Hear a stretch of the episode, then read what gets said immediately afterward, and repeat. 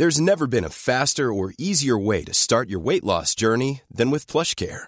PlushCare accepts most insurance plans and gives you online access to board-certified physicians who can prescribe FDA-approved weight loss medications like Wigovi and Zepbound for those who qualify. Take charge of your health and speak with a board-certified physician about a weight loss plan that's right for you.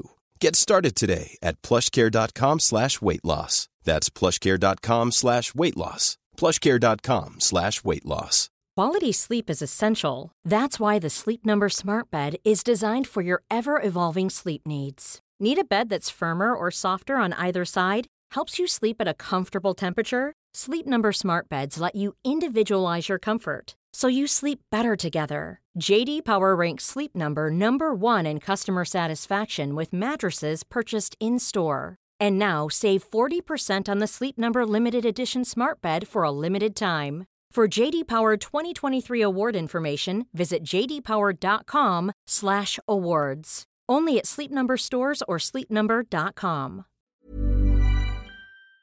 Og Da ser vi sekundene de går ganske fort, men det får vi håpe at du, Gjermund, gjør også. Og vi må ha klart for oss at fra det stedet vi først får øye på han, vil han bruke over to minutter inn. Over to minutter, helt sikkert. Ja da! Dette blir revansje for Øystein Pettersen og Petter Northug! De er olympiske mestere i sprintstafett! Det er høytid, og velkommen skal dere være alle sammen til Nordens ledende og største podkast om ski og vintersport. For Øystein Pettersen, vi herjer. altså Det er ikke bare Norge vi har for våre føtter, det er også Sverige blitt. Ja, ja, ja, og det er så deilig eh, at du sier det. Jeg har ikke noe peiling, jeg tar alt det du sier for god fisk.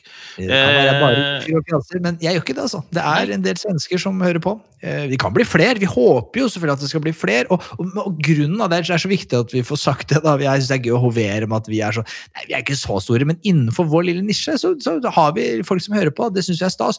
Og grunnen til det er jo at folk deler. Det er at folk, og det setter vi så umåtelig stor pris på, at dere gidder å ta dere bryet og gå inn og skrive eh, meldinger på, på Apple Podcast f.eks. Hjelper veldig. Skrive anmeldelse. Gi gjerne fem stjerner, eller lavere. Vi setter mest pris på fem, selvfølgelig. Det er maks. Eh, og hvis du er svensk, kjempebra. Da kommer vi opp også i Sverige. Kjempemessig. Og der har vi fått hjelp. Våre venner i Skydda, som, som sammen med oss er opptatt av å ta sikkerhet og, og, og på alvor, eh, så bidrar de med at de har sagt at de gir bort eh, to eh, smøremasker. En sånn elite smøremaske, som er sånn skikkelig sisteboss eh, smørmaske, som vi har snakka om det før. Den maska den hadde jeg Jeg hadde reist på besøk til, eh, til Charlotte Kalla med den maska. Jeg hadde, jeg hadde reist, altså den, Du er så trygg med den. Eh, også en som er litt enklere. Og det gir vi ut, og det kommer til å gi ut rett over nyttår. Gir vi det ut til to eh, heldige personer som har eh, rata podkasten. Et eller annet sted. Det må ikke være på Apple, selvfølgelig. Det kan være på Facebook eller på hvor som helst. Så det er iallfall sånn ytterligere insentiv for å gjøre det.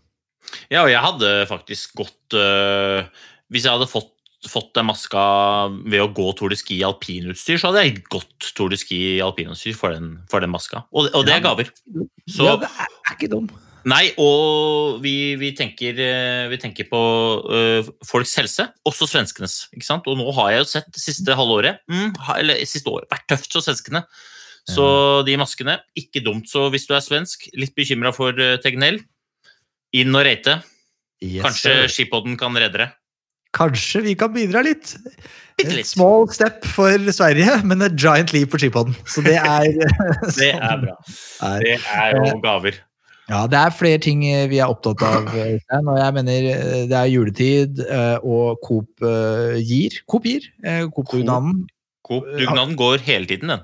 Hy- Hyllene mine er fulle av julestæsj med englamerk på. Jeg, aldri, altså jeg, har, jeg kjøper ting jeg ikke trenger. Står det englamerk på det, bank jeg ned i kurven.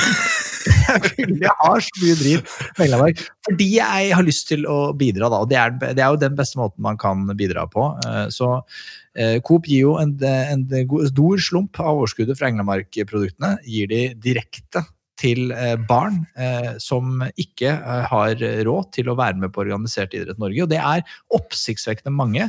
Det er en uting. Vi vet jo, du vet du Øystein, det vet jeg òg, breddeidretten når man er barn, en av de stedene du treffer venner, en av de stedene hvor du, hvor du måte kan være innafor, om du vil, på, i, miljø, i miljøet, i lokalmiljøet ditt. Eh, og det å bli fratatt den muligheten til å være med på organisert idrett, det er, eh, kan være ordentlig eh, skadelig for et barn. Så det må vi bare bruke muligheten nå til jul, når de kjøper så mye drit uansett. Pass på at det står Englandmark på det. Ja, jeg bare arresterer deg bitte lite grann på det sånn fra et sånt klimatisk perspektiv. Det kan godt hende at jeg kaster noen bomber inn i, i Coop-kontorene. ikke sant?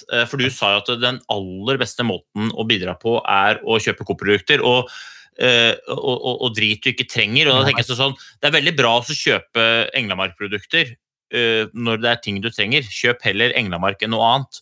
Eh, Men ikke kjøp Englamark-produkter du ikke trenger. For at en, det er dumt for klimaet. To, da tror jeg det er bedre å gi de pengene 100, de 100 kronene direkte til breddeidretten. Men poenget ditt Sånn utover at ja, ja, så Jeg liker poenget ditt, og så bare er jeg litt sånn øh, litt kverulant i hjørnet. Ja, men djevelens advokat, vi trenger han må også ha en advokat, som de pleier å si, og der er det godt at vi har deg. ja, ja, og det er, sikkert, det er sikkert for at i dag har jeg faktisk fått drukket altfor lite kaffe. I kid you not. Nei, ja, men jeg, jeg mener det. I dag jeg, jeg, jeg har drukket jeg, jeg hadde noen sterke Øysteins uh, coffeeshops uh, på starten der.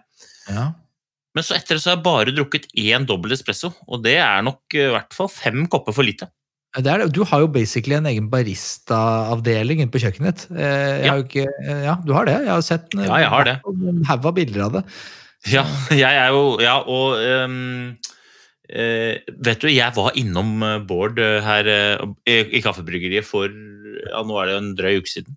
Og da fikk jeg med meg en spesialblend fra Belgia. Ja. En spesialblend! Ikke tenk på det. Nei, jeg har ikke fått smakt den ennå, for jeg må drikke opp. Jeg hadde akkurat sittet oppi en, en, en Nei, ja, men, ja, men jeg hadde jo akkurat putta oppi en kilo med gourmet-espressobønner. Ikke? Ja, Så det er du bruker, jeg, selv jeg bruker jo ei, ei drøy uke på en kilo espressobønner. Eh, Men eh, julaften, spesialblend på julaften Mm. Ja, ja. Du banker i de ungene litt kaffe. Du, vi, må vi få drukket litt kaffe her, unger, for vi skal ha den spesialblenden klar til julaften. Så her er det bare å melde seg til tjeneste. Det er, eh, det er kjempebra. Um, Det har, eh, det har jo vært flere ting som vi driver med i denne podkasten som har eh, fått bein å gå på den siste tiden. Øystein. Vi lanserte jo med brask og bram Skipoddens 3000 meter challenge. Og jeg vet ikke helt hva jeg rota meg borti, men nå har dette blitt så stort at vi har, jeg har mista all kontroll. Eh, Det er jo da eh, sånn at vi har, eh, skal løpe 3000 meter i slutten av siste uka, i april, og løpe best mulig. Og, men her er jo hensikten at uavhengig av utgangspunkt, så skal vi slå oss selv. For dette er jo egentlig Ja, vi er sammen om dette målet. Eh, Vi er sammen om å gjøre den 3000-meteren, men det er jo om å gjøre å bli en bedre utgave av seg selv. Eh, Så vi skal da løpe 3000 meter på denne siden av nyttår, helst, eller i hvert fall så tidlig som du kan. Og så tar man tiden. Eh, Og det må jo ikke være 3000 meter eksakt, da. Vi har vi om i. Det kan jo være en, en sløyfe eller et eller annet som er sånn ca. 3000 meter. Man finner et, det viktigste er at du måtte ha noe du kan måle deg mot siden. Så løper du den samme runden eh, i slutten av siste uka i april. Og da nåde de som ikke slår seg selv. For det er, eh, det er viktig. Og for da å liksom eh, For min egen del i hvert fall, så er det sånn at når jeg skal sette meg som mål, så vet jeg at hvis jeg går ut og, i det offentlige og, eh, og sier at jeg skal gjøre det, så blir det jo sånn, da, vet du, som jeg allerede har merka, at folk sier sånn Ja, den tredje som heter, hvordan går det med treninga? Hvordan ligger det an? Da blir jeg holdt accountable for det jeg sier. Og det er litt sunt.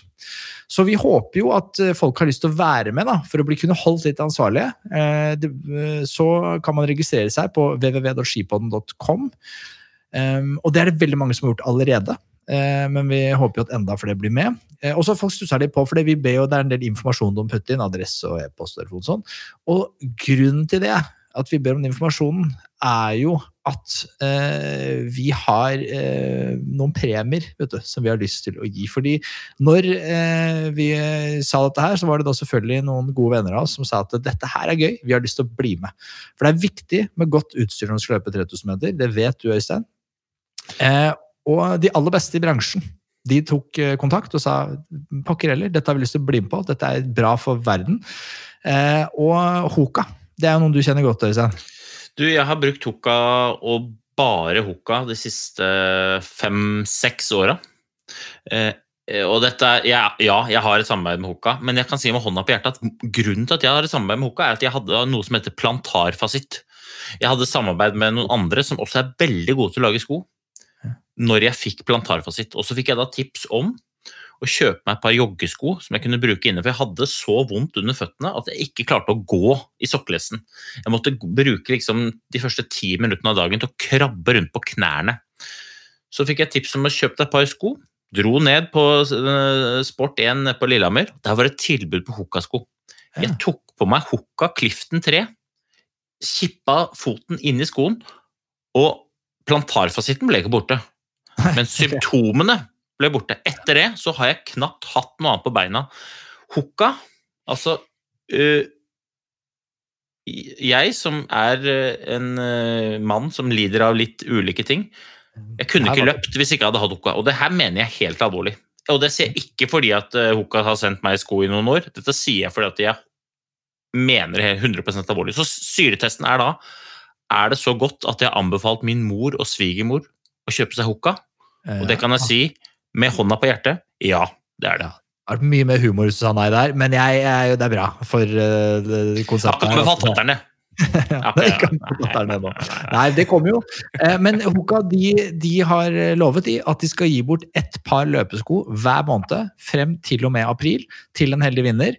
Eh, Og måten man kan få måtte kvalifisere seg til å vinne premie, det er gjennom sosiale medier, altså gjennom Instagram. Vi gode gamle Grammen, vi går dit. Og da er det sånn at vi vil se deg. Vi vil se deg når du er ute og trener. Så da må du opp med mobilen, eh, spille inn en liten sånn hei sann, hoi sann, vært ute og løpt f.eks.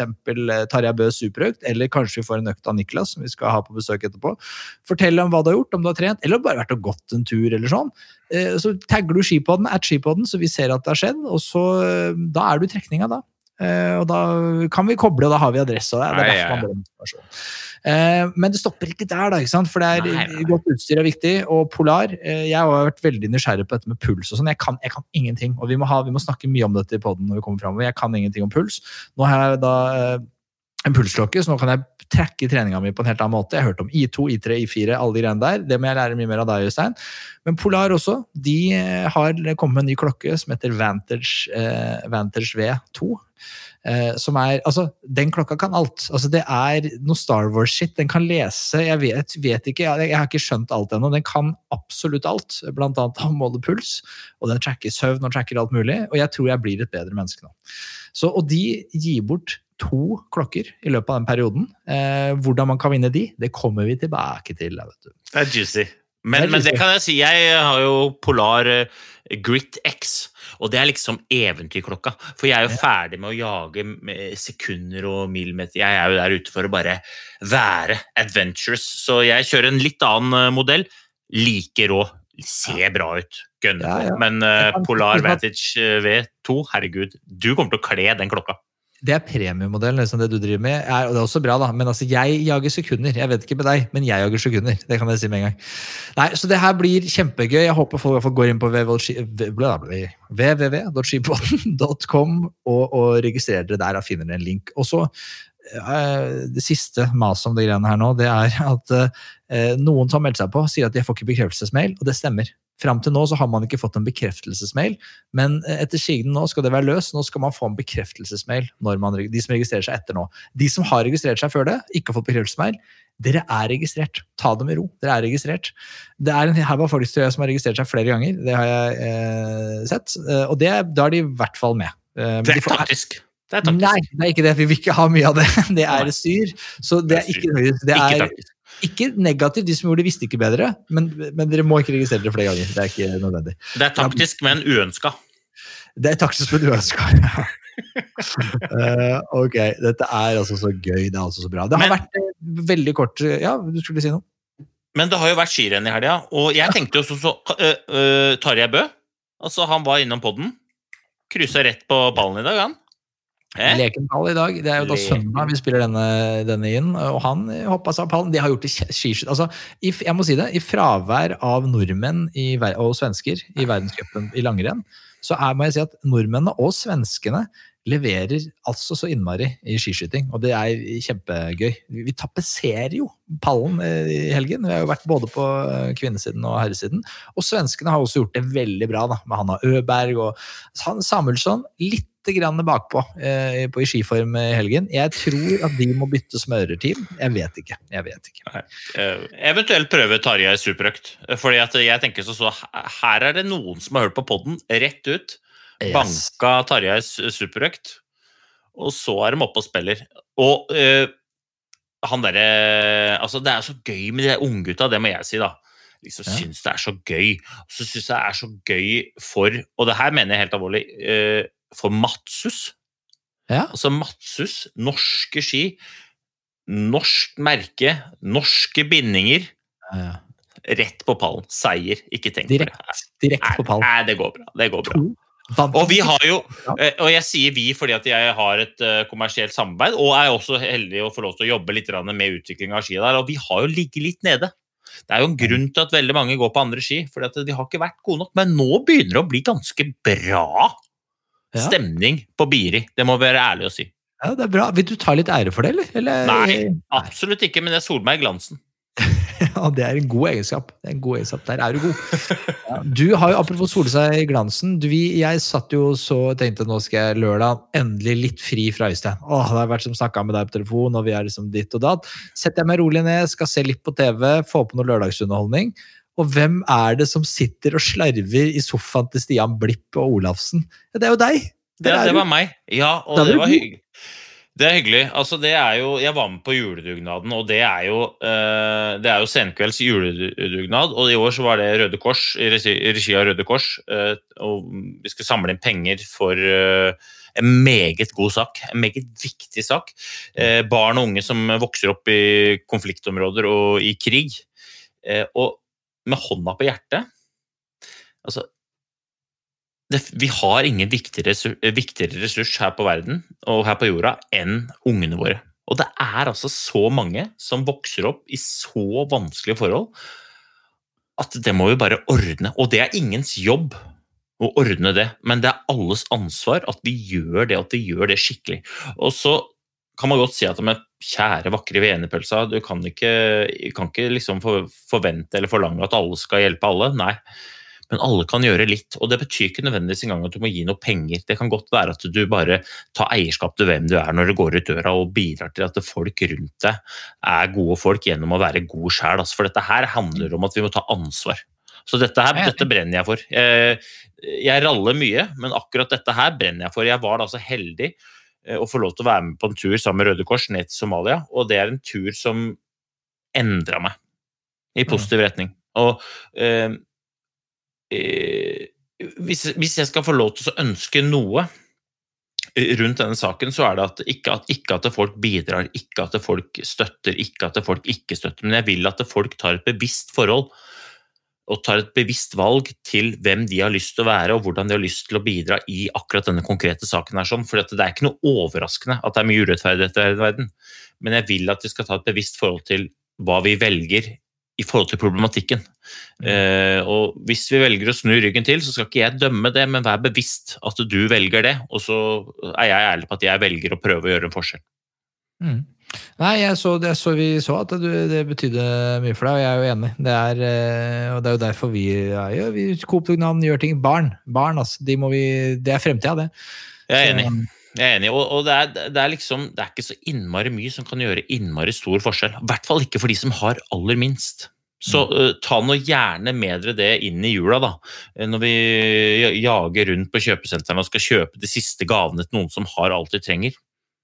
Kanskje vi skal gi et fadderskap i julegave. Kanskje vi skal gi noe til, om det er Redd Barna, eller om det er Røde Kors, eller om det er Kirkens øh, altså, nødhjelp. Altså, det kan være hva som helst. Det kan være Frelsesarmeen i gata, eller det kan være å kjøpe en kaffe til den som står og selger er lik Oslo øh, på Karl Johan. Altså, bare bidra til å gjøre en bitte liten forskjell. For det skal så lite til. Enig. Ehm, eh, men det er jo digresjoner som er undertittelen på denne podkasten. Det har vært verdenscup i langrenn også. Eh, Ja, i Dresden. Mm. Hva Ja. takeaways, key takeaways, Øystein? Jeg øh, skal være kjemperask. Eh, Nadine Fenrich. Yes. kjempeform. Vinner lørdag, vinner søndag, og ikke bare vinner på Peltonen-ski. Vinner på peltonski. Smak på den. Altså, det, det skjer ikke hver helg at noen at en sveitser cruiser inn på et par finske ski Nei. og vinner. Så det var imponerende. Eh, herreklassen eh, Pellegrino, meget sterk. Men vår pod-favoritt, og din eh, favoritt-brite etter Mussy, Andrew Young, altså han gjorde noe som jeg bare vet om én som har gjort tidligere, Ja. og det er undertegnede. Komme på pallen i et, i en bysprint ved å knekke staven i finalen. Nei, spinnvilt. Altså, og, og, og, men så synd, fordi det der var hans det, det, det der var hans sprint. Altså, han skulle, det var hans seier. Han skulle hatt den. Det mener jeg virkelig, altså. Ja, øh, jeg er enig i at han, det var hans sprint og han skulle hatt den, men jeg tror jo at han får sjansen igjen. Så ja, ja, ja. ja. Og Andrew Young er jo øh, Dette kommer til å gå bra. Han har uh, Mussy på laget. Veldig fremoverlent type. Uh, noen ganger litt for fremoverlent. Uh, han har Stadheim, og han har Vinjuri som trenere. Dette her kommer til å gå meget bra. Så uh, Young, når du hører dette Spis haggis i jula. Tour de ski. Dette ordner seg. Det er bra. Det er bra. Mm, Det er gode råd. Gode råd er dyre, og, men her får du dem i Skipodden.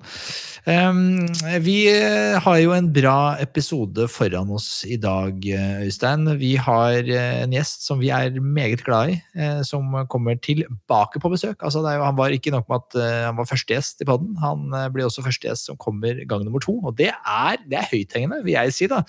Jeg er kanskje den eneste som sier det, det er det som er problemet med det. Men det kommer til å bli høythengende, så han går ned i historiebøkene. Det må han bare merke seg. Så jeg tenker, skal vi vente og surre mer, eller skal vi bare ta med på Niklas? Kjør på, Nikki. Vi har eh, fått besøk, eh, Øystein, og det er, det er jo sånn at vi hadde jo en første gjest, så det er jo kjempeheder å få lov å være første gjest i podden. Men det er også ganske stas å feire første gjest som blir invitert tilbake igjen. Så vi må si velkommen til podkastens aller næreste, kjæreste venn, Niklas Dyrhaug. Tusen hjertelig takk. Ja, ja. Ser, du ser bra ut som alltid, altså, Niklas. Hvor er det du befinner deg nå? Er du, er du hjemme på, i Trondheim? Ja, nå er jeg hjemme tilbake i Trondheim. Jeg har jo eh, hatt eh, etter, etter Sjusjøen, eller etter Norgescupen her, så har jeg jo vært eh, og trent på Sjusjøen. Og der har det jo vært helt vanvittig fine forhold etter hvert. Så jeg har fått lagt ned noen timer der. Og så nå er jeg tilbake til Trøndelag, og her er det lite som Det er dårlig vinter, rett og slett. Så det, det er 2,5 km i Granåsen. Og så er det noen eh, veteraner fra Trondheims skiklubb som har skufla sammen en fem kilometer i marka, men ellers så er det skralt. Det viktigste er at du får, får trent og holdt, deg, holdt koken, da, er det ikke det? Jo, jo, jo. jo da, det, og det får jeg gjort. Så, men jeg tenker jo litt sånn eh, på alle andre òg. Det, er jo, det er ikke mye julestemning da, så, i Trøndelag per nå, men eh, vi håper at det kommer litt snø etter hvert. Det var meldt litt snø lille julaften, så vi satser på det. Jeg får på det. Alle skiløperne, alle landslagsløperne som bor på Grønland i Oslo, de har også dårlig skiføre utafor døra si. Det kan jeg røpe. Det er vel altfor få som har bosatt seg der. Ja, krigeren, kanskje. Han- Ja, Det er bare sånn det er. Det var sånn det er. Men eh, folkens, og dere to boys, må, det er en ting jeg må ta opp med dere. Fordi det, er, det var eh, en gigantisk sak eh, som slo ned eh, som ild i tørt gress her i forrige uke. Eh, det er jo koronapandemi, man skulle tro at det er det verste som har truffet eh, verden. Men nei, så feil kunne man ta. Fordi det viser seg hvis man leser Gudbrandsdagningen, eh, som flere av oss gjør, at Ole Andreas Ørn, vi får bruke navnet her, for han har gått ut i media og brukt sitt eget navn, han har sett seg lei og oppdaget, han har sett at folk går med mikrotrinser. Det må, altså, hva, hva, hva er dette for boys? Hva er det som foregår? Ja, skal jeg ta det først? Mikrotrinser, det, nei, det, det er jo kanskje den eh, roeste nyheten jeg har lest på lenge. Eh, når, jeg, når, jeg, når jeg så det at, eh, at eh, løypa var ødelagt av uh, ivrige eliteløpere som har trøkka til med mikrotrinser, så, så må jeg jo si det at eh, da, det, da har vi det bra i Norge. Når det er en, en sånn nyhet som det der. Altså, Et spørsmål som dukker opp hos meg, er for, hva er mikrotrinser? Ja, ja, ja, vi må jo starte, vi må starte litt med også, Kan jeg få lov til å lese litt fra artikkelen, eller? I god gammeldags Ja, ja, ja. ja i, god, i, god, I god gammeldags uh, misjonsstil. Liksom. For dette er, er jo en sak, en helt alvorlig sak. Jeg ble oppringt av GD. Um, og da er saken det at det, På mandag så la da en hytteeier på Sjusjøen, Ole Andreas Ørn, ut en kommentar på Facebook-sida Sjusjøen, hvor han tar et oppgjør med skiløpere som bruker mikrotrinser etter snøfall. Og, og problemet her er da, ifølge Ørn, at disse mikrotrinsene fører til dype hull ved siden av sporene. Sånn at sporene ødelegges delvis. Og dette er et problem både for løperen selv og de som kommer etter ham. Ikke minst. Ja, og, og dette engasjerer altså så mye uh, at han på en måte Det er jo da uh, Det renner jo inn med kommentarer og hates og likes og lols og det som verre er. ikke sant? Det har blitt en sånn sak, og så, så sier han eh, Ørn at han ola seg litt feil. Ja. Fordi at det her er jo ikke Dette er jo ikke mosjonister, eller det er ikke det som er problemet. Dette her er jo mest eh, de som trener staking og går langløp, for de har en voldsom kraft i stav, stavtaket. Og så viser han da til at vi bruker disse berømte mikrotrinsene. Og det blir altså så plagsomt at eh, skiløpene er mye dårligere enn det de kunne ha vært. Og så og, eh, vi, kan ta, vi kan ta det først. Det er sånn. Ja, er føler sånn- du deg truffet, Øystein? For her, han, han, det, er jo, det han basically sier, er at Øystein Pettersen ødelegger løypene på Sjusjøen. Det føler jeg, da. Det det jeg hører her. Ja, det jeg hører her, er at han tror at jeg har en voldsom kraft i stavtakene, og det, det setter jeg pris på. Men utover det så har jeg aldri hørt uttrykket mikrotrinser. Altså, mi, eh, øh, det er jo, øh, hvis jeg har gått hele livet rundt med mikrotrinser, så er jo det, det er jo så nitrist. Så dette måtte jeg sjekke opp. Fins det vanlige trinser, for eksempel? Nei, det fins ikke. Altså Det jeg går med, det er de største trinsene, men det mener jo da denne ørnen er mikrotrinser. Jeg vet ikke, eh, Bruker du mikrotrinser, Dyret? Jeg har aldri, aldri hørt om mikrotrinser før den artikkelen. Det har ikke. Det eneste som eh, jeg kan tenke meg er mikrotrinser, det er rulleskipigger. Det er mikrotrinser i mine øyne. Ja, for Han la ut nemlig et bilde av disse såkalte mikrotrinsene, og det er en Swix-trinse jeg aldri har brukt. Og det så ut som en rulleskipigment. sånn liten var liksom feilproduksjon på rulleskipigg. Den bruker jeg aldri. Jeg bruker jo stort sett store trinser, så det var jo greit. Og liksom, jeg ble jo, altså Dette her har skapt så voldsom debatt. Jeg var ute med kidsa her eh, rett borti gata her, og jeg hadde en sånn gapehaug, sto og grilla, og da gikk det altså forbi 30-40-50 stykker og lurte, spurte meg om, jeg hadde, eller om de brukte mikrotrinser selv. Og samtlige av de pokala som gikk forbi, og det var ikke bare langløpere med voldsom kraft i stavtakka, hadde mikrotrinser. Men, Ja. men, men saken er ikke ferdig her. For det, det kommer mer juice. Det kommer mer juice. Og her, her trenger vi ekspertsvar, eh, Niklas. For, Øren har nemlig også en eller annen pokal som har skrevet under på denne føljetongen på Sjusjøen. Øren har- har bitt seg merke i denne kommentaren, nemlig. For der er det en som hevder at nordmennene, som starter før de russiske i internasjonal langrenn, ofte bruker mikrotrinser. Og dette for å da dra opp klumper av snøen som legger seg i løypa, slik at russerne får det tøffere, sånn at de norske beste som kommer til slutt, bruker da litt større trinser enn disse mikrotrinsene, og i tillegg har god glid og vinner rennet. Ja, det, det er bra fantasi han som, som, som har kommet med tips her. Jeg får jo jeg blir jeg får litt av å tenke på altså, Du har da mer enn nok da, når du går ute og går worldcup. Da har du mer enn du skal tenke på om ikke du skal begynne å dra opp snøklumper som skal legge seg i eh, både når du skal putte stavene og i sporet. Ja, og det er til russerne. Det, altså, det er ikke til klumper, det er ikke til Kolonia eller Magnificat eller Mussi, det er til russerne. Ja. Øremerka Bolsjuno. Men også, eh, la meg, for å ta litt ø, Ørns parti her, er ikke nettopp det du ville sagt òg? Eh, akkurat som du reagerer nå. Sånn ville jeg også reagert hvis jeg drev med dette. Da ville jeg også ledd av det og prøvd å lede bort. Er det noe sannhet? Fordi jeg ryktet på, på On the Street sier at eh, Hans Christer Holund skal etter sigende ha bekrefta dette! Ja, det virker rart. Og av alle som skal bekrefte ting Jeg kjenner jo ikke Hans Christian personlig, men han er ikke kanskje typen til liksom å Jeg vet ikke. Så, så HC har bekrefta at han driver med, med og drar opp isklumper? Ja, eller det, det, det påstår da Facebook-skribenten. Eh, Hvor tett på eh, denne Facebook-skribenten er på HC, det, det står det ingenting om. Men vi refererer bare til det vi leser. Ja. Eh, ja. Så HC reiser jo rundt, og det, det er jo Ofte så er jo HC best når det er, er jaktstart, sånn at han slipper å på en måte bekymre seg for de russerne som er bak. ikke sant? Han taper jo mye tid i rukkaen, han må gå og lage, legge klumper i løypa i tillegg. Ja, han, han bruker alltid å åpne litt rolig i Rukka, og det har vi kanskje svaret. Den, han bruker litt tid på, på litt sånn dirty tricks i starten der. Ja, altså uten å, uten å på en måte ta HC på noe, men han er jo litt djup i stakinga til tider. Kan det være at han er litt nede og graver litt sånne isklumper til eh, Larkov som kommer bak der? ja, ja, det kan være fader.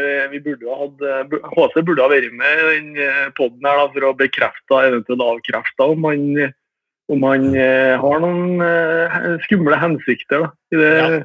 dette. Men eh, nei, jeg syns det eh, Nei, jeg må si at eh, at jeg syns det her er fryktelig artig. for at eh, altså For det første, når du går på Sjusjøen, det er flere tusen som går der. Og du kan jo velge de trinsene du vil, men å gå med små trinser, det er vel det Det er, vel, det er, jo, det som, det er jo det som er eklest å gå med når det er så mye, for det blir jo oppgått. Ja. Så de fleste eliteløperne bruker jo litt større trinser, i hvert fall ikke mikrotrinser. så så nei, jeg syns bare dette er Men, men det som jeg syns er fint, da, det er jo på en måte sånn eh, Det er jo et tegn på at vi har lært oss å leve med denne pandemien. Eh, eh, det, det som jeg kanskje syns er litt trist, er at nå ser det ut som pandemien er i ferd med å løse seg i kraft av en vaksine. Jeg er litt mer usikker på om dette rundt uh, mikrotrins om det kommer til å gå over av seg sjæl. Det tror jeg ikke. Det tror jeg er et problem som kommer til å bli. Ja, Vaksinen for det er jo nakkeskudd, og det er jo ikke like ålreit å gå for. Jeg tenker, Det tror jeg det er en høyere terskel. Ja. Nei.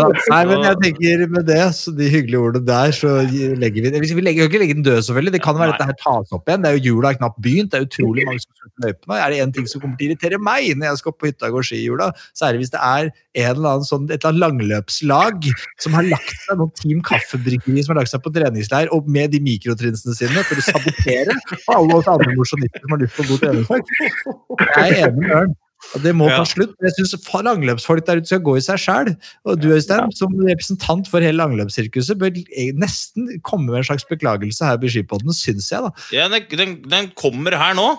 Jeg beklager at det ikke var der og forteller dere at kjære, vakre venner, jeg går da ikke med mikrotrinser, og det er ikke noe som heter mikrotrinser. Men nå!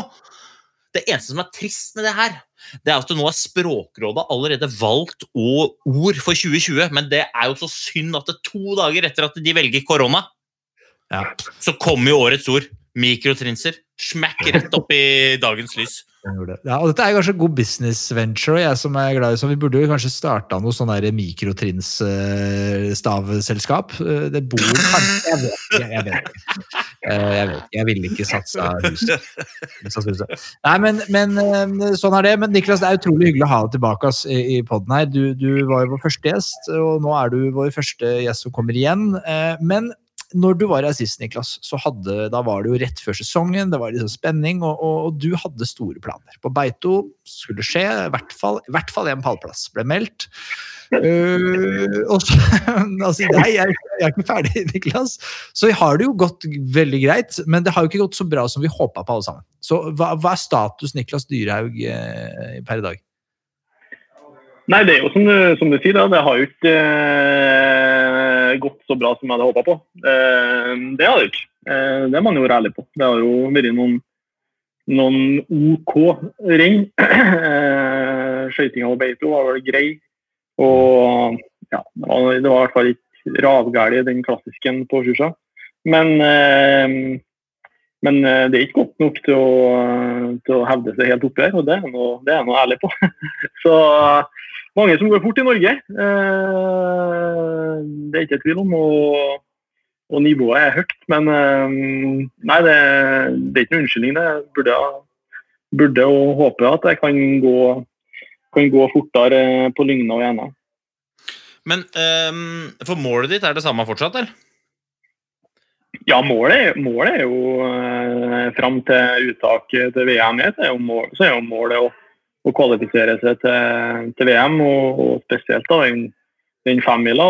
Sånn sett så blir jo, blir jo Lygna og NM viktig. Det er eh, skirenn som, som, eh, som eh, er veldig lik det man møter der.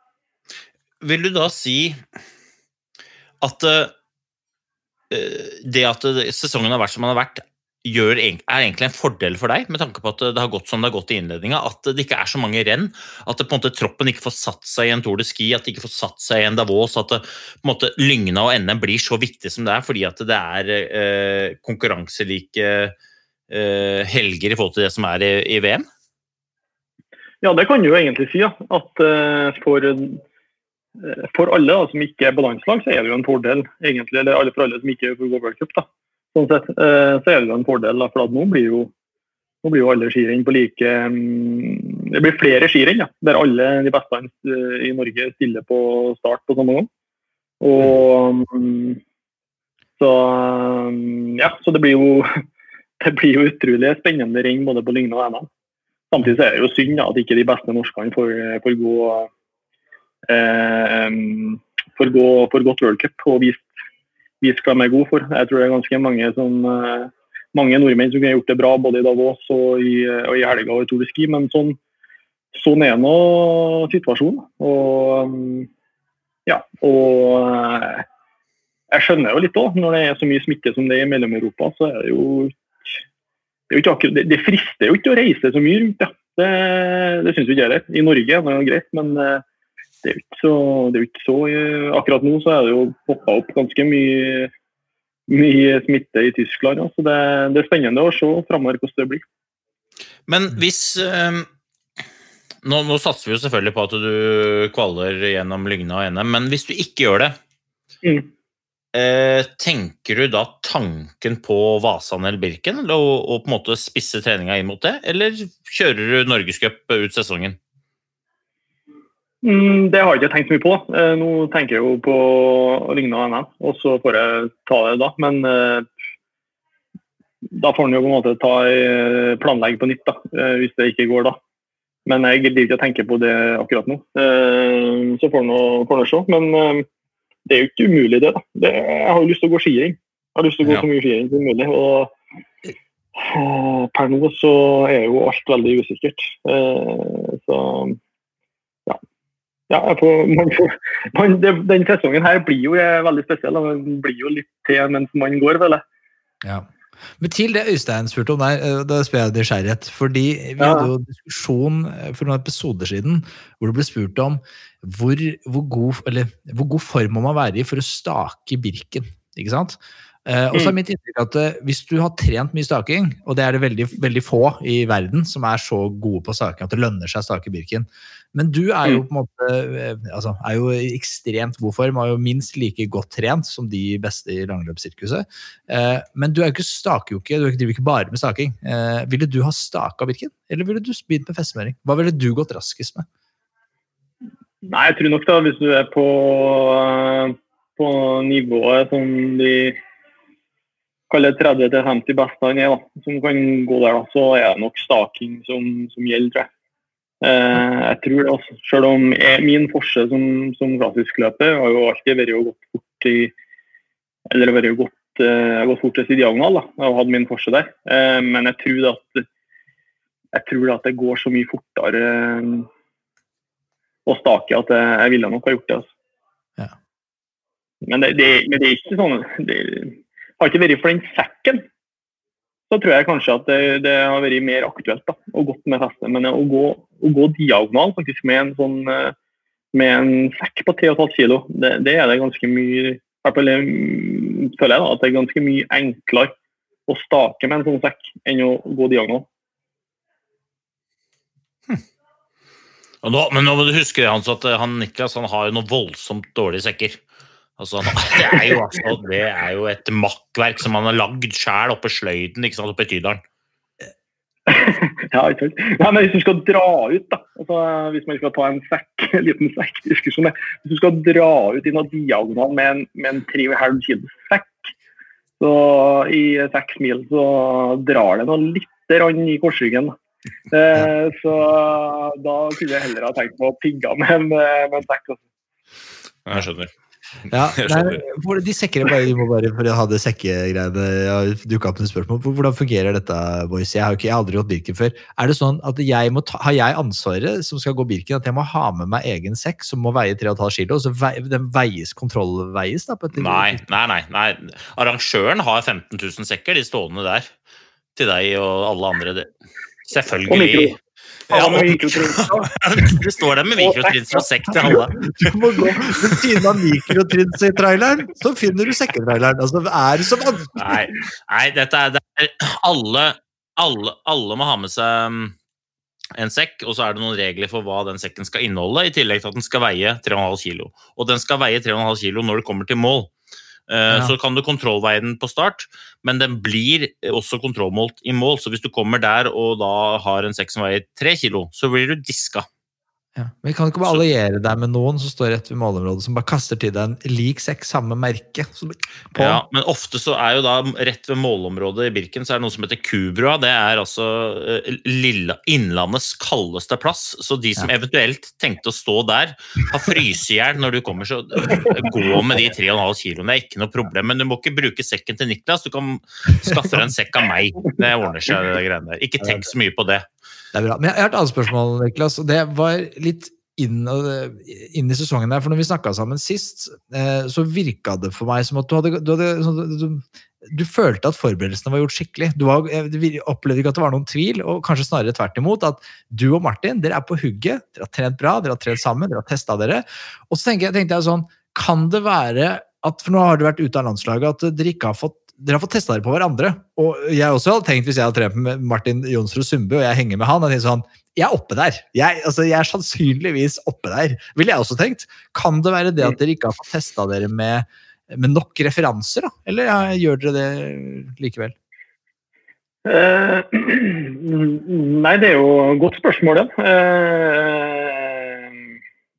for det er jo berettiget å spørre om det når man ikke, ikke presterer sånn som man, som man eh, håpa på. Um, nå har jo jeg trent ganske mye med, med Emil og Didrik og Johannes òg, da. Så jeg har jo fått på en måte eh, fått matchinga på verdensklassenivå der, da i tillegg. Um, Så jeg tror jo den har vært bra nok. Men det, det er kanskje en merke da, som eh, Hvis jeg skal måte, gjøre en liten analyse av de to helgene da, så er det at eh, kapasiteten er veldig bra. Det går veldig, synes jeg, veldig fort eh, oppover. Men eh, har for lite har for lite akselerasjon og kraft da, i overkroppen. Eh, og litt sånn klarer å skape litt for lite kraft over kula og eh, få med kraft inn i, eller eh, fart inn i bakka og litt sånn. Og tape mye den type terreng. Så, så det, må, det blir noe fokus nå eh, fremover mot Lygna og NM, for det er jo klart eh, eh, Kapasiteten er som sagt veldig bra. Det er ganske mange år siden jeg har hatt, hatt såpass bra tester på det. Eh, men eh, langrenn er komplekst, så hvis du ikke, hvis ikke på en måte har på plass eh, de komponentene der ellers, så, så går det ikke fort nok i lengden. Ja, jeg, jeg, uten å sammenligne deg og meg, Nikki, i det hele tatt, men jeg kjenner meg litt igjen i det du sier. da, for at du, øh, I den grad vi er eldre, så øh, det kommer jo noen unge der som har mye fart i kroppen i utgangspunktet.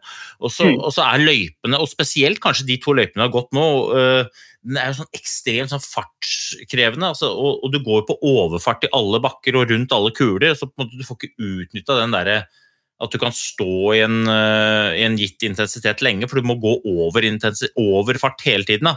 Eh, Og dette er jo tilbake til det vi Nei, altså du går, du går på en måte fortere enn det du ville gjort hvis du skulle gått fem minutter sammenhengende. Du, du, du kjører, alle bakkene er så korte at du må på en måte kjøre på, og så får du nedoverbakke. Så, så hele tiden så er du over på en måte den intensitet fem, eller den hardeste intensiteten. Det er liksom sånn, det er sånn anarob gåing nesten hele tiden. Og det er litt verre når du er eldre. Husker du jeg sa til deg, Hansson, Hanso, når vi snakka om mosjonister som trener?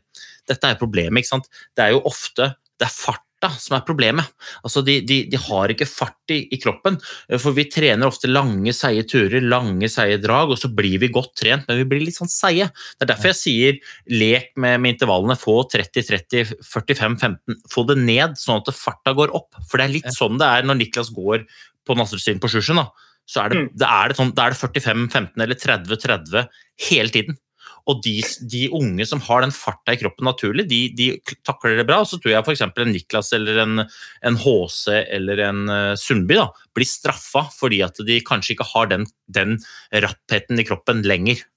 Mm. Men, Ja, og det, men og eh, det, ja, det, og det, der er jo, det der er jo veldig interessant, egentlig. For at, eh, fordi utholdenheten, eller på en måte kapasiteten, er jo like bra som den var for tre-fire år siden. Ifølge på en måte, i hvert fall alle de standardiserte testene. Det var det ikke i fjor.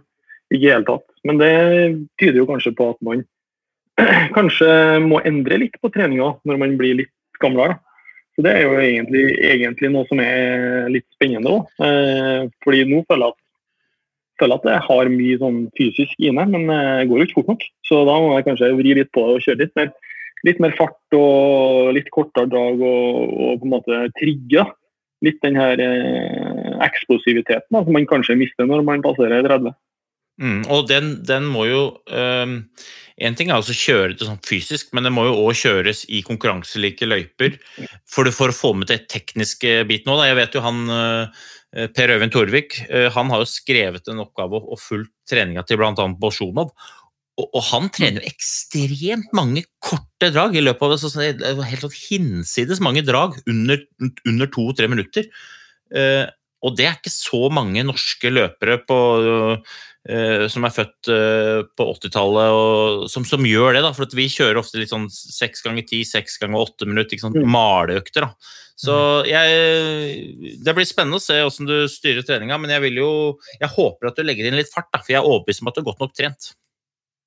Ja, og det, og det, har, jeg- det har jeg tenkt å gjøre òg. Og det er jo uh, uansett spennende. Det er jo uh, alltid spennende å tenke litt, tenke litt annerledes og gjøre noe nytt. Uh, eh, for basen er noe bra, i hvert fall. Så får vi se om det holder til å gjøre det, gjøre det godt nok på lignende annet.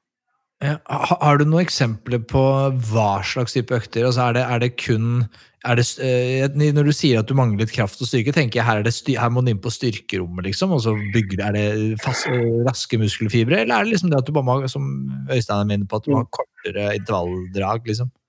Nei, jeg tror ikke Altså, nå skal jeg, nå skal jeg komme med en, med en eh, ærlig uh, greie da, til dere som, eh, som jeg ikke har sagt til noen i media, eller uh, mange i år. Men i september så fikk jeg skulder og ta ledd. Ja. Gjorde jeg. Uh, I slynga, faktisk.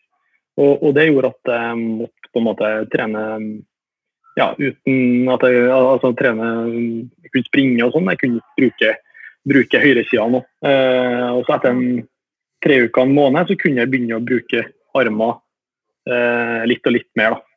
Så tok jeg jo, fikk jeg tilbake styrken, kanskje, eh, i skuldra sånn at den var 100 eh, to-tre uker før Beitostølen.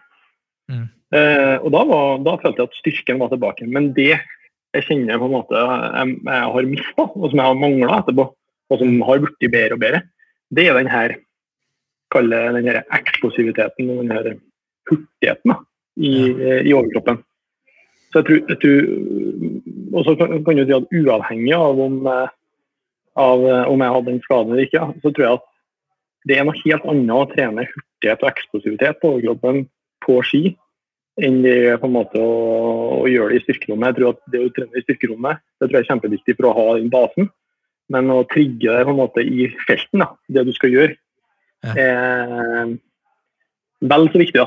Eh, Så det blir jo i hvert fall eh, det blir i hvert fall fokuset min. Å få, jo først nå den siste siste måneden da, jeg kunne jeg begynt å kjøre litt hurtigere igjen.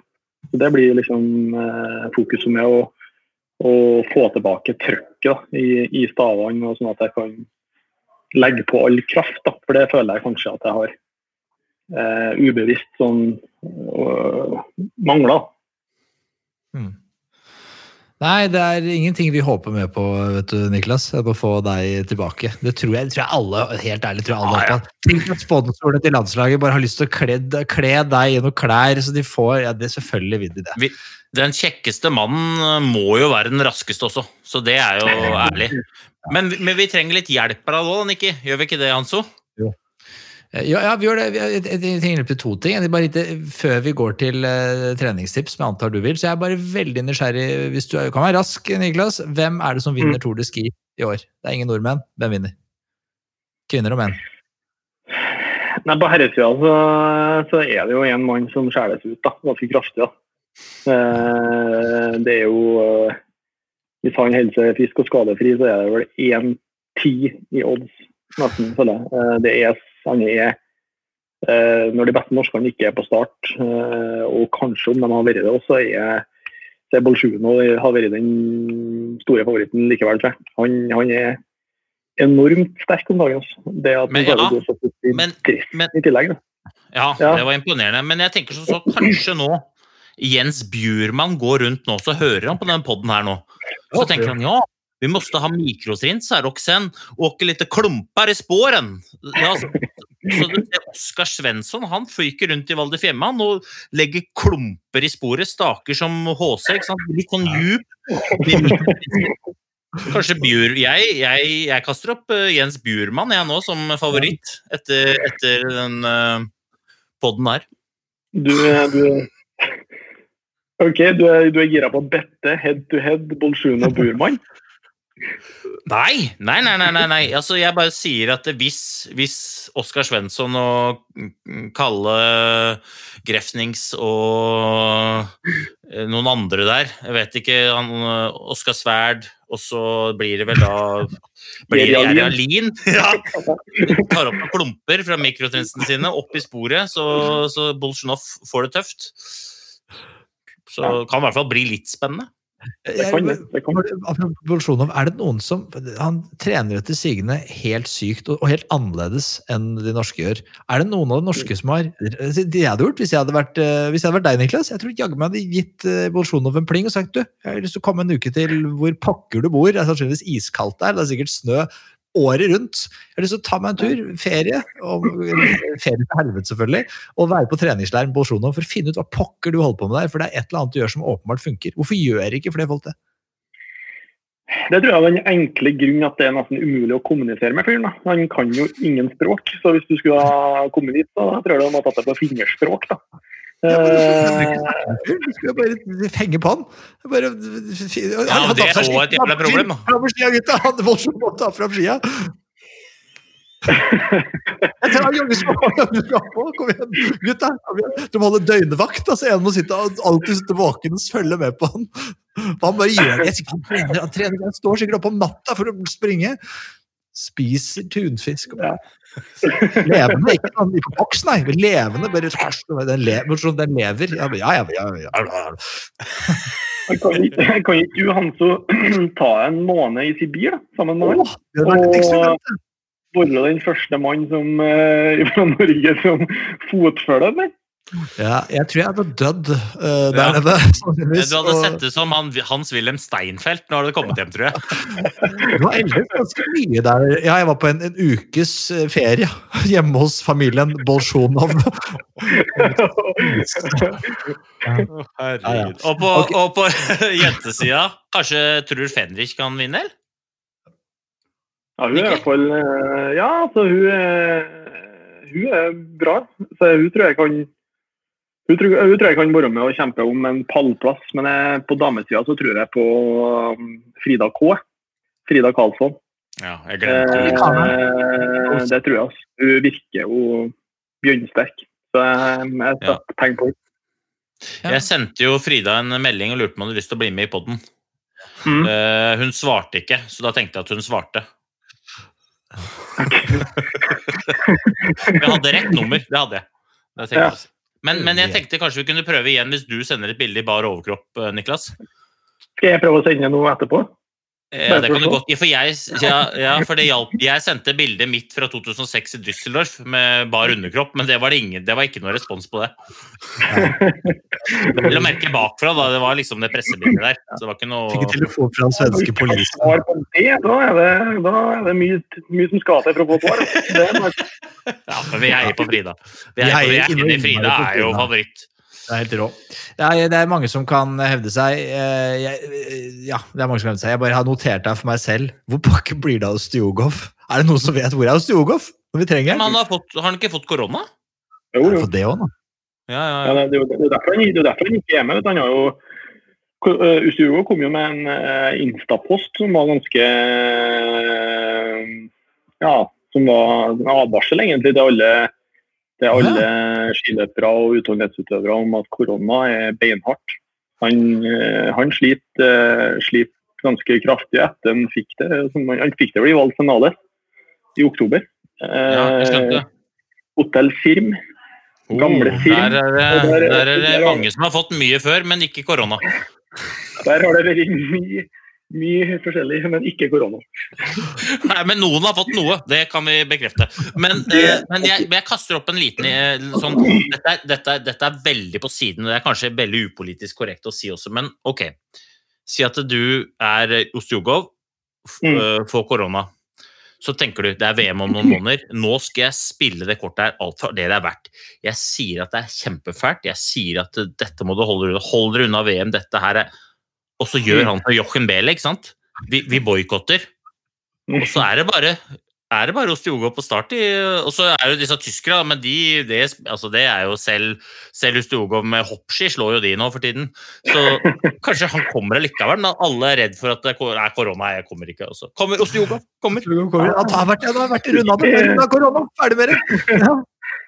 Nei, uff, det er en luring, men eh, nei, du vet jo vet jo aldri hva en fyr finner på. Men, eh, men i hvert fall så er det jo beinhardt, ifølge han, å eh, få den koronaen. Det virker sånn. Så spent på når han er på start. Ja. Det er jo en advarsel for alle, alle som driver med utholdenhetsidrett, egentlig, at det, det, er- hardt for lungene å få eh, svindere. Kjø, kjører du samme stil som Ostjogo nå, Niklas? At du tenker på at, jeg- at Du jeg prøver å skremme de vekk fra Lygna og NM nå? Ja. Ligger skjult. men, men nå må vi ha noen treningstips her, for at eh, nå det sklir altså ut. Det er altså så, så trivelig. Og, og det som er, vi glemmer jo at nå er det folk som er ute, og de skal høre på dette. og de skal, Jeg trener så lenge podden varer, tenkte de. Og så bare Nei, men jeg rekker jo ikke dette. For, Nei, nå begynner jeg snart å jobbe igjen, ikke sant? Ja, ok. Det, det, vi, det vi må ha før vi kan la deg gå, Niklas, det er altså Vi har jo starta det som heter Vi har kalt da Skipoddens 3000 meter challenge. Eh, og det kom litt eh, ut av det blå ved at vi måtte finne oss Eller jeg måtte egentlig finne meg et mål. Hva skal være treningsmålet denne vinteren? Det er jo ikke skiføre, i hvert fall ikke der jeg bor. Eh, Så da tenkte vi må gjøre noe som alle kan være med på, uansett hvor man bor, uansett hva man har av utstyr. Det er bare han i joggesko, og så komme seg ut. Så jeg skal jo da Jeg har ikke gjort det ennå, vi skal løpe 3000 meter nå til uka. Og så skal jeg ta tiden.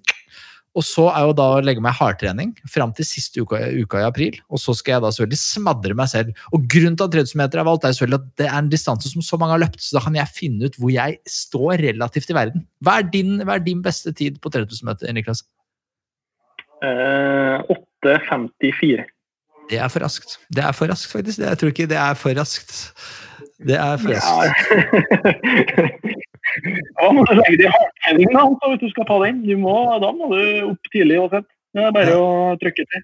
Ja, jeg Så må tror du kjøpe et par eh, Vaporfly, da, vet du. Det hadde ikke jeg da når jeg satt det, men hvis du gjør det, så kanskje får du noen eh, sekund eh, Eller det er kanskje ikke lov ennå. Nei, nei, vi, vi. Hanso kjører jo Hanso er jo den eneste eh, løperen på 3000 over 20 minutter.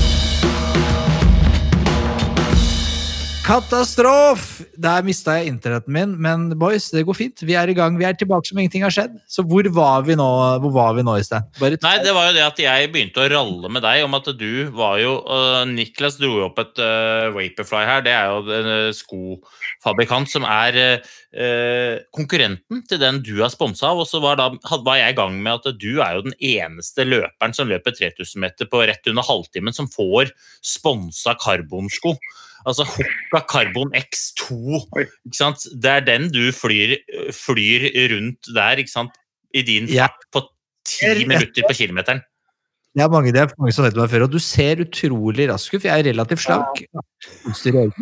Er du Det er det jeg skal gjøre noe med. nå, Niklas. Så, til det vi faktisk skal til, Har du et forslag da, til en superøkt som du mener er dritgod, som kan ta meg et skritt nærmere målet om å, å løpe 10 meter? sånn?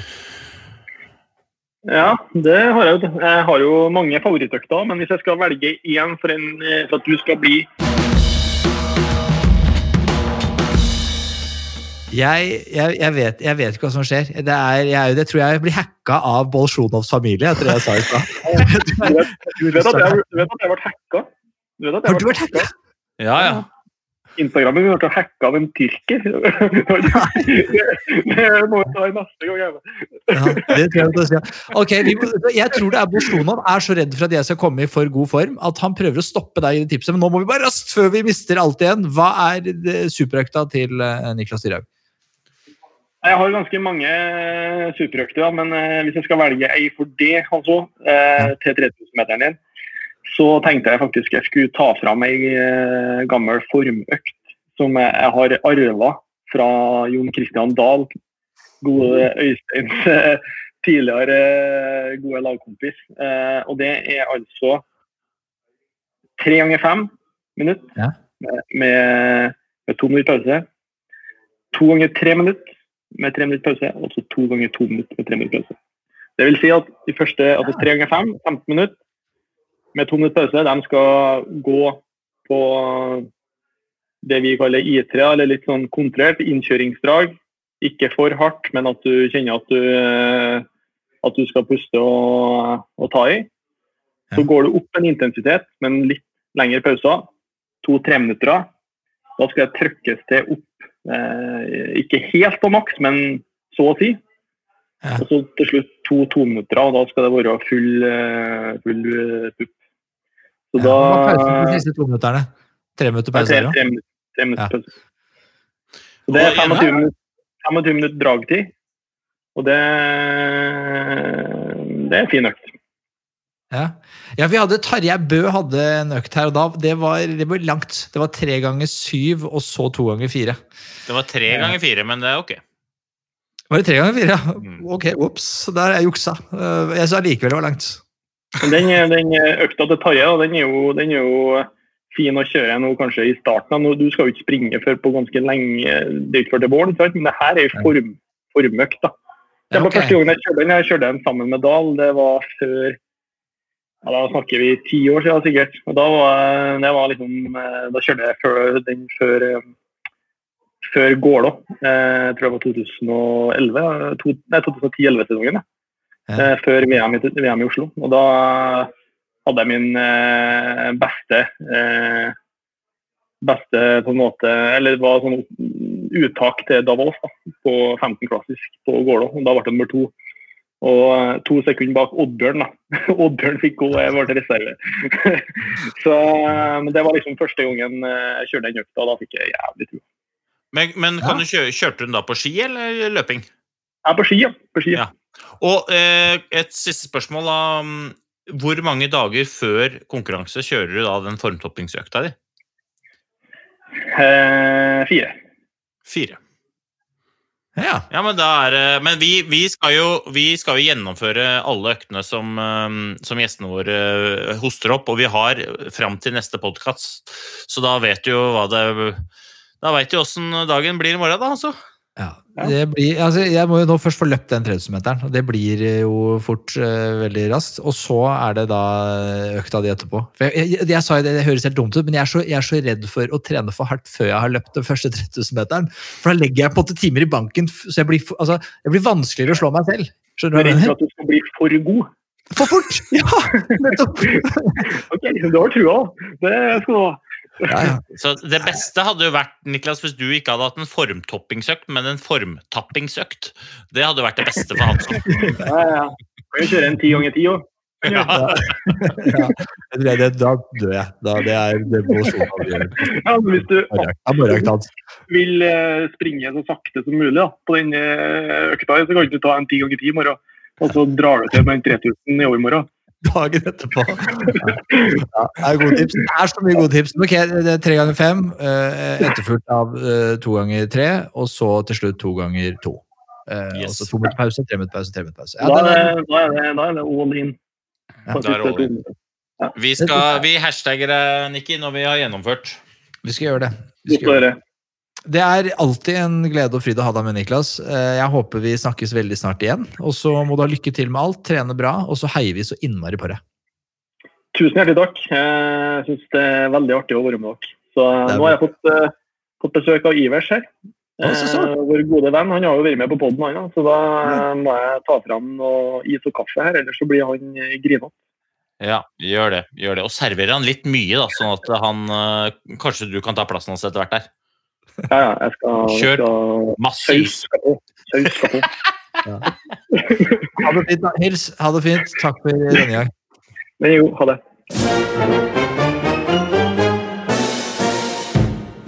Og den fanfaren, den kjenner vi, Øystein. Det er tid for Øysteins corner. Ja, det er gøy. Det er gøy. Blir rask corner i dag, gjør det ikke det? Vi har jo babla i Niklas, vi, har, vi babler jo i et bankende kjør. Det er en av våre baner i livet. Så vi må å være litt raske. Men Ja. vi hopper rett på spørsmålet. Jeg prøver å si her. Vi hopper rett på spørsmålet. Vi har eh, fått et bra spørsmål. Eh, det er eh, nemlig slik at folk har hørt på, og de beit seg merke at du for noen episoder siden begynte å snakke om at når dere går disse lange løpene, f.eks. Vasaen, så bruker dere borrelås hvor dere fester gelen på startnummeret. Eh, og eh, så har jeg fått et spørsmål fra mastersport.no, så litt reklame for mastersport.no der. Skipodden deres er fantastisk og bra, interessant. Ja, takk. Et spørsmål dere kanskje kan ta opp som dere lurer fælt på. Hvilken type borrelås bruker dere for å feste gel på startnummer? Det er sikkert tusenvis av andre som lurer på det samme. Eh, Det tror jeg. Så Øystein, hvilken type borrelås bruker du? Ja, bra spørsmål. Det- er jo den typen som borrelåser seg. Nei. Det er altså Du, dette er så, dette er så enkelt som at vi stikker ned på eh, Jeg har handlet på Biltema. Der er det noen sånne ruller med borrelås. Eh, litt ulik tjukkelse. Jeg liker å bruke den tjukkeste typen. Eller bredeste, bredeste typen. Den har godt lim. Og så fester jeg den ene siden av borrelåsen eh, på gellen. Og så fester jeg den andre enten på startnummeret eller på, rett på skidressen eller i birken på sekken. Ja. Så, ka- så kan det være lurt. På, kan- liksom, på meisen her? Der, er på liksom, ja, ja, så, sånn, at den er, sånn at den er lett tilgjengelig. Og Hvis du for bruker en gel med, med skrukork? Noen merker har sånn med skrukork, som er porsjonspakninger. Så kan du, har den liksom på, på sekkereimen, og så kan du i nedoverbakken så tar du bare eh, munnen ned til der hvor eh, gelen er, og så klemmer du på, skrur opp korken og klemmer på gelen, så får du gel. Og så kan du gå videre, og så tar du resten av gelen i neste nedbakke, f.eks. Men det som kan være lurt, er å ha en litt kraftig stiftemaskin og feste den delen av borrelåsen som du fester på sekken, startnummeret eller på skidressen, med borrelås, for da er du sikker på at den ikke ja, med stiftemaskin, for da er du sikker på at den ikke detter av. For det kan noen ganger, hvis det er fuktig, fuktig i skirennet, eller du blir innmari svett, det hender jo, eller at øh, det kommer noe borti et eller annet du faller, så detter ikke gellene av deg. Ja. Og da lønner det seg å feste borrelåsene dagen før. Ikke begynn med det på Tingstadjordet eller på startsletta i selen, men fest dette ordentlig på kvelden før, sånn at du er sikker på at det sitter på gellen, og sitter på startnummeret, sitter på sekken, sitter der hvor det skal sitte, og så er det good to go.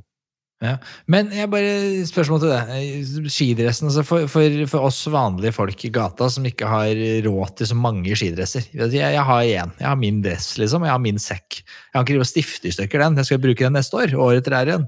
Ja, men jeg, jeg, jeg, du tåle, kan du bare rive av borrelåsen etterpå? Liksom. Du Nei, jeg- ingenting. jeg har den harde, den harde delen av um, borrelåsen. Ja. Den har jeg på, eh, på dressen. Og den tåler vask uten at den blir, for den er bare sånn hard. Så den, den har jeg på dressen hele sesongen. Og det, Ah. det stifter den fast, sånn at den sitter der. ikke sant? Og jeg er ikke avhengig av at limet sitter. Og så er den der er med meg, den på dressen, hele tiden. Og så er jeg hele tiden da konsekvent med at den eh, pusete siden av borrelåsen, den går alltid på gelen. Og så kan jeg sette, og da Jeg har sikkert Jeg tipper jeg har ti jeg, sånne 7-8 cm lange borrelåser på, på dressen, sånn at jeg kan ha, ha med meg et lite arsenal med gel. da Ja, når jeg er ute på tur. Og det bruker, jeg- dette bruker jeg når jeg, om jeg går bare langtur, eller om jeg går intervall, eller om jeg går Birken eller Vasa nå. ja. Ikke redd for gel, du? Nei da, nei da. Så, så jeg håper det var svar på spørsmålet, mastersport.no. Ehm, Jeg bruker vanlig borrelås som jeg kjøper på, på Biltema, og så bruker jeg en kraftig stiftemaskin for å være sikker på at det sitter. Det er bra. Outro-låta hamrer løs. Eh, Øystein, dette har vært en bra pod igjen. Eh, Det er fri. En bonuspod blir det jo. Vi, vi følte for å ta en preik med Niklas, eh, og det må vi si at vi fikk gjort. Har du noen siste tips til verden, omverdenen, før vi gir oss?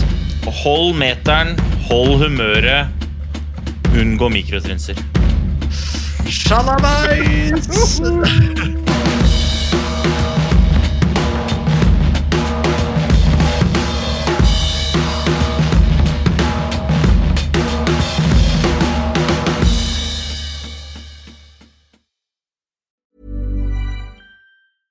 Imagine the softest sheets you've ever felt. Now imagine them getting even softer over time. That's what you'll feel with Bowl and Branch's organic cotton sheets. In a recent customer survey, 96% replied that Bowl and Branch sheets get softer with every wash. Start getting your best night's sleep in these sheets that get softer and softer for years to come. Try their sheets with a 30-night guarantee. Plus, get 15% off your first order at bowlandbranch.com. Code BUTTERY. Exclusions apply. See site for details. Even when we're on a budget, we still deserve nice things. Quince is a place to scoop up stunning high-end goods for 50 to 80% less than similar brands. They have buttery soft cashmere sweaters starting at $50, luxurious Italian leather bags, and so much more. Plus, Quince only works with factories that use safe, ethical, and responsible manufacturing. Get the high-end goods you'll love without the high price tag with Quince. Go to quince.com slash style for free shipping and 365-day returns.